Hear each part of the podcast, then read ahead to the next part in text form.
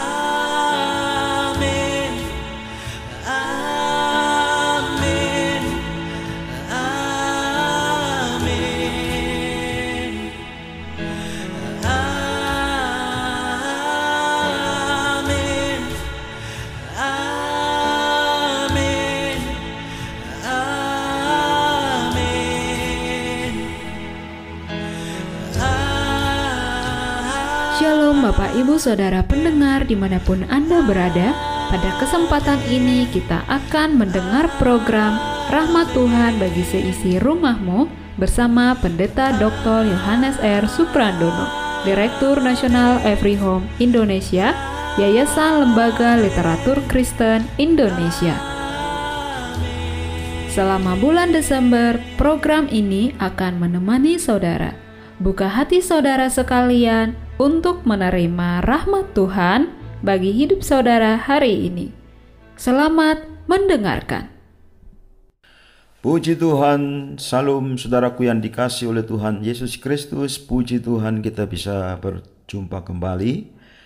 Dalam kesempatan ini saya senang sekali untuk mengajak kita mempercakapkan, mendialogkan firman Tuhan, tapi juga memikirkan dan merenungkan firman Tuhan bersama-sama dalam waktu satu bulan ke depan mulai 1 Desember sampai akhir bulan ini.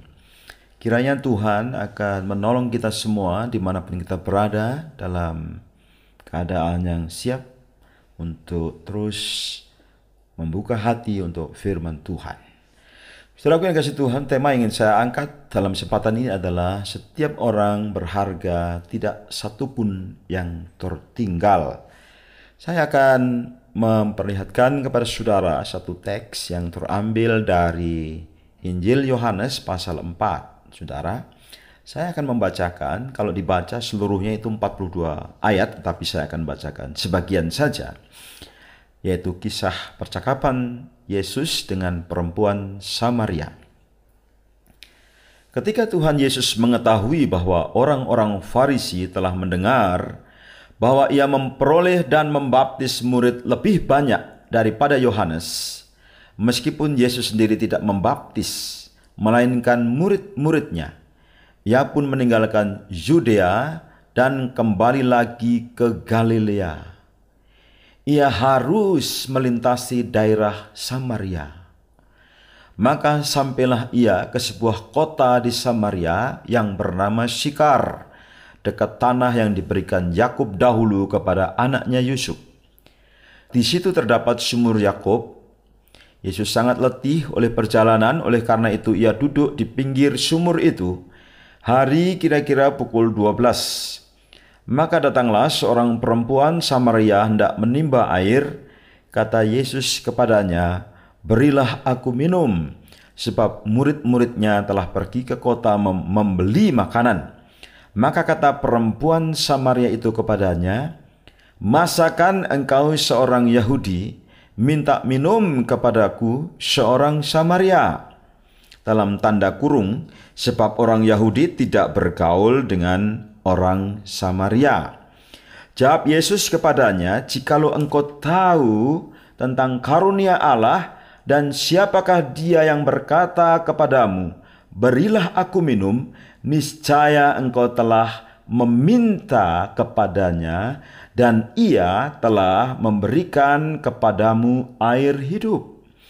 Kata perempuan itu kepadanya, "Tuhan, engkau tidak punya timba." Dan sumur ini amat dalam. Dari manakah engkau memperoleh air hidup itu? Adakah engkau lebih besar daripada bapak kami Yakub yang memberikan sumur ini kepada kami dan yang telah minum sendiri dari dalamnya, ia serta anak-anaknya dan ternaknya? Jawab Yesus kepadanya, Barang siapa minum air ini, ia akan haus lagi. Tetapi barang siapa minum air yang akan kuberikan kepadanya, ia tidak akan haus untuk selama-lamanya. Ia tidak akan haus untuk selama-lamanya. Sebaliknya, air yang akan kuberikan kepadanya akan menjadi mata air dalam dirinya yang terus-menerus memancar sampai kepada hidup yang kekal. Kata perempuan itu kepadanya, "Tuhan, Berikanlah aku air itu supaya aku tidak haus dan tidak usah datang lagi ke sini untuk menimba air. Saudara-saudaraku yang dikasih oleh Tuhan Yesus Kristus dalam percakapan dengan perempuan Samaria ini akhirnya akan membawa sebuah transformasi kehidupan dalam diri seorang perempuan ini. Setiap orang setiap orang di setiap tempat Yesus kasihi. Setiap orang di setiap tempat Yesus kasihi. Kita adalah bangsa yang besar. Indonesia terdiri daripada ribuan pulau. Belum lama ini saya ketemu dengan orang dari Departemen Perhubungan Laut dan saya tanya tentang bagaimana kondisi maritim di Indonesia. Dan dia katakan bahwa pelabuhan satu dengan pelabuhan yang lain sudah terhubung dengan tol laut dan banyak kapal yang besar walaupun ada kira-kira eh, lebih dari 200 ya pelabuhan di Indonesia itu banyak yang belum bisa pas, uh, apa namanya kapal yang besar bersandar Saudara. Artinya apa? Bahwa Indonesia sangat luas sekali saudaraku yang dikasih Tuhan dan banyak pulaunya, banyak sukunya, banyak rakyatnya dan Tuhan Yesus mengasihi setiap orang di setiap tempat dan secara khusus di Indonesia. Saudaraku yang dikasih oleh Tuhan, Yesus mengasihi setiap orang. Yesus mengasihi orang di setiap tempat. Yesus mengasihi saudara yang mendengarkan program ini. Saudaraku yang dikasih Tuhan, sebagaimana dalam kisah ini Yesus menunjukkan kasih kepada perempuan Samaria. Di dalam adat istiadat Yahudi, seorang rabi tentunya tidak berbicara kepada seperempuan hanya berdua saja. Dan kemudian di dalam strata sosial perempuan pada zaman itu adalah dianggap kelas sekian di tengah masyarakat, bukan kelas utama. Karena masyarakat didominasi oleh apa yang disebut dengan budaya patriarkal. Bapak itu yang utama. Tapi Yesus menunjukkan perhatian kepada setiap orang dan orang ini adalah seorang perempuan. Dan saudara tahu dalam kisah selanjutnya siapakah perempuan itu? Ketika ditanya tentang suaminya, dia berkata tidak, dia sudah pernah menikah dengan lima suami, dikatakan, ya. Dan dia tidak punya suami sekarang Tetapi dia tinggal sama seorang pria. Dikatakan dalam ayat 18, Yesus mengetahuinya dari percakapan itu bahwa dia punya lima suami, sekarang dia tinggal bersama dengan seorang pria dan bukan suaminya. Perempuan seperti apakah dia secara moral? Tentunya bukan perempuan yang baik-baik saja. Karena itu ada kemungkinan besar bahwa dia datang ke sumur pada jam 12 tengah hari bolong karena dia tidak bergaul dengan perempuan-perempuan yang lain atau dijauhi oleh masyarakatnya. Saudara aku dikasih Tuhan, Yesus mengasihi seorang perempuan yang menurut strata sosial tidak dianggap pada zamannya, mengasihi seorang bangsa setengah Yahudi dan setengah bangsa kafir.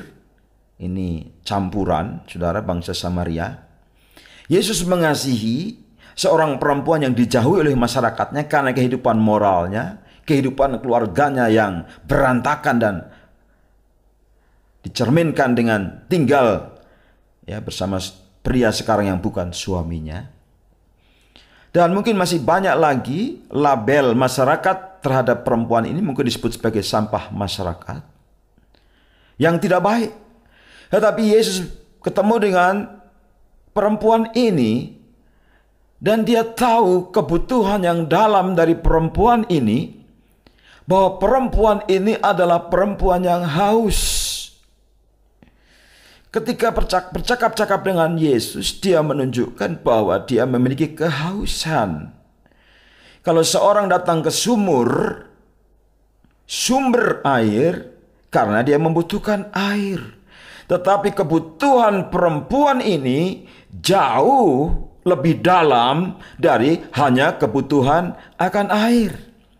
Tapi saya mau saudara tahu bahwa sumur yang didatangi oleh Perempuan ini adalah sumur Yakub, seorang yang besar, great man, seorang hamba Tuhan yang besar. Sumur Yakub, bapak beriman. Sumur Yakub yang diwariskan kepada Yusuf, kepada keturunannya. Dan setelah 2000 tahun sumur itu masih memancarkan air. Ini adalah berkat dari Tuhan. Sumur itu bagi Yakub dan keluarganya, memperkaya Yakub dan keluarganya karena dengan sumur-sumur yang dimiliki oleh Yakub, dia menjadi kaya raya dengan banyaknya domba yang berlipat ganda dan dia menjadi kaya dan keturunannya. Dan sumur itu setelah 2000 tahun masih ada memancarkan air. Betapa luar biasa sumur itu adalah simbol daripada kehidupan jasmani tetapi juga simbol daripada kehidupan. Pemiliknya bahwa orang yang memiliki sumur itu dulunya adalah orang besar dan orang kaya. Saudara aku kasih Tuhan, kadangkala ketika kita menghadapi masalah dalam kehidupan kita, kita berpikir bahwa kekayaan akan menyelesaikan masalah. Kita berpikir bahwa seks bebas akan menyelesaikan masalah. Kita berpikir bahwa kehausan akan dunia ini ketika kita meminum di dalam dunia ini kemudian masalahnya akan selesai. Hati perempuan ini tidak akan puas. Hati perempuan ini tidak akan dipuaskan. Dia mencari sesuatu yang lebih daripada yang bisa diberikan oleh dunia ini yaitu air kehidupan Saudara aku ini kasih Tuhan karena itu ketika Tuhan Yesus menawarkan air kehidupan. Ketika Tuhan Yesus menawarkan hidup itu sendiri yang ada di dalam Tuhan Yesus. Kemudian perempuan ini tergerak hatinya dan kemudian merespon untuk menerima air itu. Dia mau air yang membuat dia bisa puas. Saudara aku yang kasih Tuhan, Tuhan Yesus mengasihi setiap orang di setiap tempat, siapa pun saudara, siapa pun, dan bagaimanapun keadaan saudara. Visi Yesus adalah supaya setiap orang menerima keselamatan. Visi Yesus adalah supaya setiap orang diubahkan oleh perjumpaan dengannya.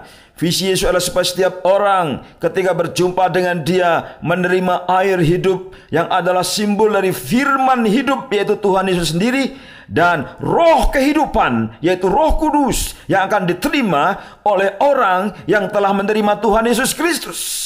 Dan ketika firman dan roh itu ada, ketika kebenaran dan roh itu ada dalam hidup seseorang, maka dia akan mempersembahkan hidupnya kepada Bapa. Dia akan mengalami pemulihan yang total, yang komprehensif, yang keseluruhan, yang totalitas, dan dia akan menjadi penyembah yang benar. Dan Tuhan mencari seorang yang akan menyembah Allah Bapa dalam roh dan kebenaran. Perempuan ini diubahkan oleh Tuhan Yesus Kristus. Saudara aku yang kasih Tuhan, setiap orang, everyone, setiap tempat, everywhere, dan di setiap rumah, every home. Saudara, tidak boleh ada yang tertinggal. Siapa pun, di mana pun, akan dijumpai oleh Yesus. Saya pernah melayani sebuah keluarga dan saya tanya di mana suami, ternyata suaminya belum percaya Yesus. Jadi ibu ini bersama anak-anaknya percaya Yesus tapi suaminya belum percaya Yesus. Kami memberikan pemuridan di rumah itu. Ya, pelayanan kami adalah rumah-rumah, jadi di setiap rumah sejak saya remaja sampai sekarang melayani di rumah-rumah. Dan wanita ini berkata, "Pak, ya suami saya ada di luar dan dia belum percaya Yesus. Mari kita doakan. Kemudian ibu ini mendoakan suaminya yang dikasihinya itu didoakan terus-menerus dan ketika suaminya mendengar dirinya didoakan secara jelas oleh istrinya suaminya mendengar tentang nama Yesus di dalam Yesus ada pemulihan, di dalam Yesus ada kepuasan, ada kebahagiaan. Di dalam Yesus kekecewaan diangkat. Masa lalu dikuburkan. Di dalam Yesus ada kebangkitan kepada kehidupan yang baru. Ibu ini mendoakan supaya suaminya ketemu dengan Yesus. Suaminya adalah pedagang yang menjual sayur keliling dari rumah ke rumah menjajakan sayur mayur, ikan, ya, dan kebutuhan rumah tangga sehari-hari dari rumah ke rumah. Dan saudaraku yang dikasih Tuhan singkat cerita, suatu hari di perjalanan suaminya tiba-tiba sakit dan dia merasa sangat kesakitan. Dia menceritakan kepada saya dan kemudian dia berseru kepada nama Yesus. Tuhan Yesus, saya akan percaya kepadamu kalau saya sembuh. Saya akan percaya Tuhan istriku kalau saya sembuh. Dan dia panggil nama Yesus, dia sembuh. Dan akhirnya dia kami bimbing untuk menerima Yesus.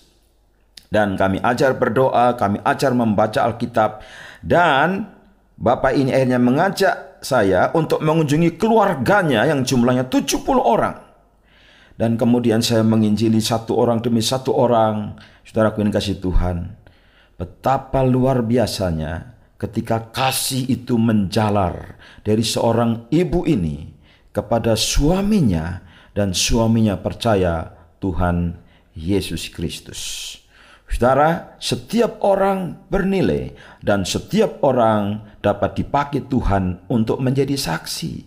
Perempuan Samaria yang dijauhi oleh masyarakatnya, kemudian setelah bertemu dengan Yesus, dia mempunyai rasa percaya diri yang tinggi karena Roh Kudus memenuhi dia. Dia bersaksi kepada orang sekampungnya dan menunjukkan kepada orang sekampungnya bahwa Yesus mengetahui segala hal yang menjadi problema dalam hidupnya, kekusutan di dalam hidupnya. Dia tahu dan dia menyelesaikan memberi jalan keluar bagi dia dan dia bersaksi dan banyak orang yang kemudian ketemu dengan Yesus dan diselamatkan. Setiap orang di setiap tempat, di mana saja perlu Yesus. Dan ketika ketemu dengan Yesus, dia akan menemukan kehidupan yang sejati. Pekerjaan Tuhan Yesus adalah melakukan kehendak Dia yang mengutus dan menyelesaikan pekerjaan yang diberikan oleh Bapaknya. Yesus juga memberikan tugas kepada kita semua. Lihatlah sekelilingmu, pandanglah ladang-ladang yang sudah menguning dan matang untuk dituai. Tugas kita adalah menyelesaikan pekerjaannya di setiap tempat. Mari kita bersama-sama mengasihi setiap orang di setiap tempat, everyone, everywhere, every home. Dan saya percaya bahwa akan ada kebangunan rohani yang besar di tempat ini, di kota ini. Ketika semua orang percaya ketemu dengan Yesus dipulihkan dan bersaksi. Saudara-saudaraku yang dikasih oleh Tuhan Yesus Kristus. Ada dua perkara yang telah saya sampaikan. Yang pertama Yesus mengasihimu. Bagi saudara-saudara yang belum pernah mengundang Yesus dalam hatinya untuk percaya Tuhan Yesus saat inilah saatnya saudara untuk menerima Yesus sebagai juru selamatmu. Lihatlah aku berdiri di muka pintu dan mengetuk dan barang siapa membukakan pintu aku akan masuk dan makan bersama dengannya, bersekutu dengan dengan orang yang mem, yang membukakan pintu. Yesus adalah jalan kebenaran dan hidup.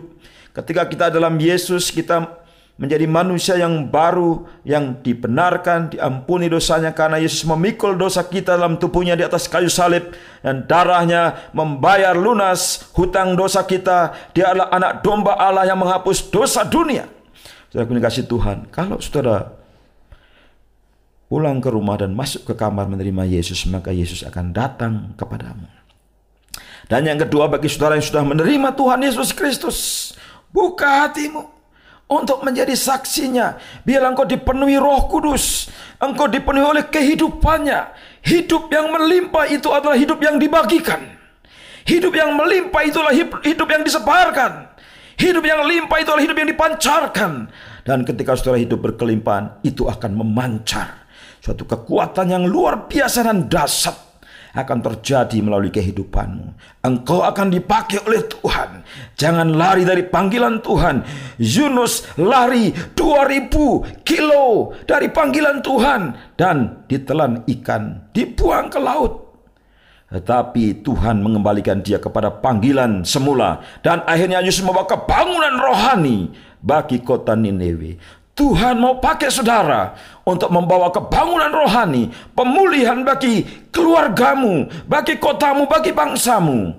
Dan saya percaya orangnya adalah saudara. Karena saudara akan dipakai oleh Tuhan. Kiranya Tuhan Yesus memberkati saudara. Haleluya. Amin. Shalom. Saya berdoa kiranya Tuhan memberkatimu dan melindungimu. Kiranya Tuhan menyinari engkau dengan wajahnya dan memberi engkau kasih karunia.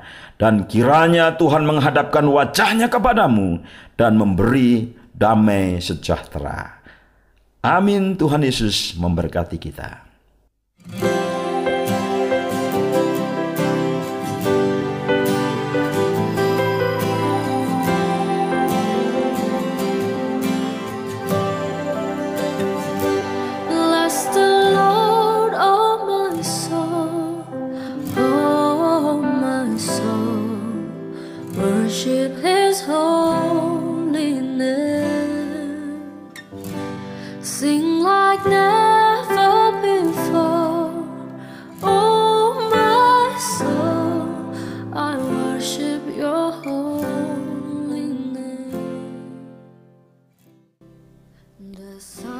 kasih Anda sudah mendengarkan program Rahmat Tuhan bagi seisi rumahmu bersama Pendeta Dr. Yohanes R. Suprandono. Jika Anda membutuhkan bacaan rohani dan dukungan doa, saudara dapat menghubungi kami di nomor 0877 8801 0003 atau kunjungi platform digital kami di www.everyhomeindonesia.com dan at everyhomeindonesia. Tuhan Yesus memberkati.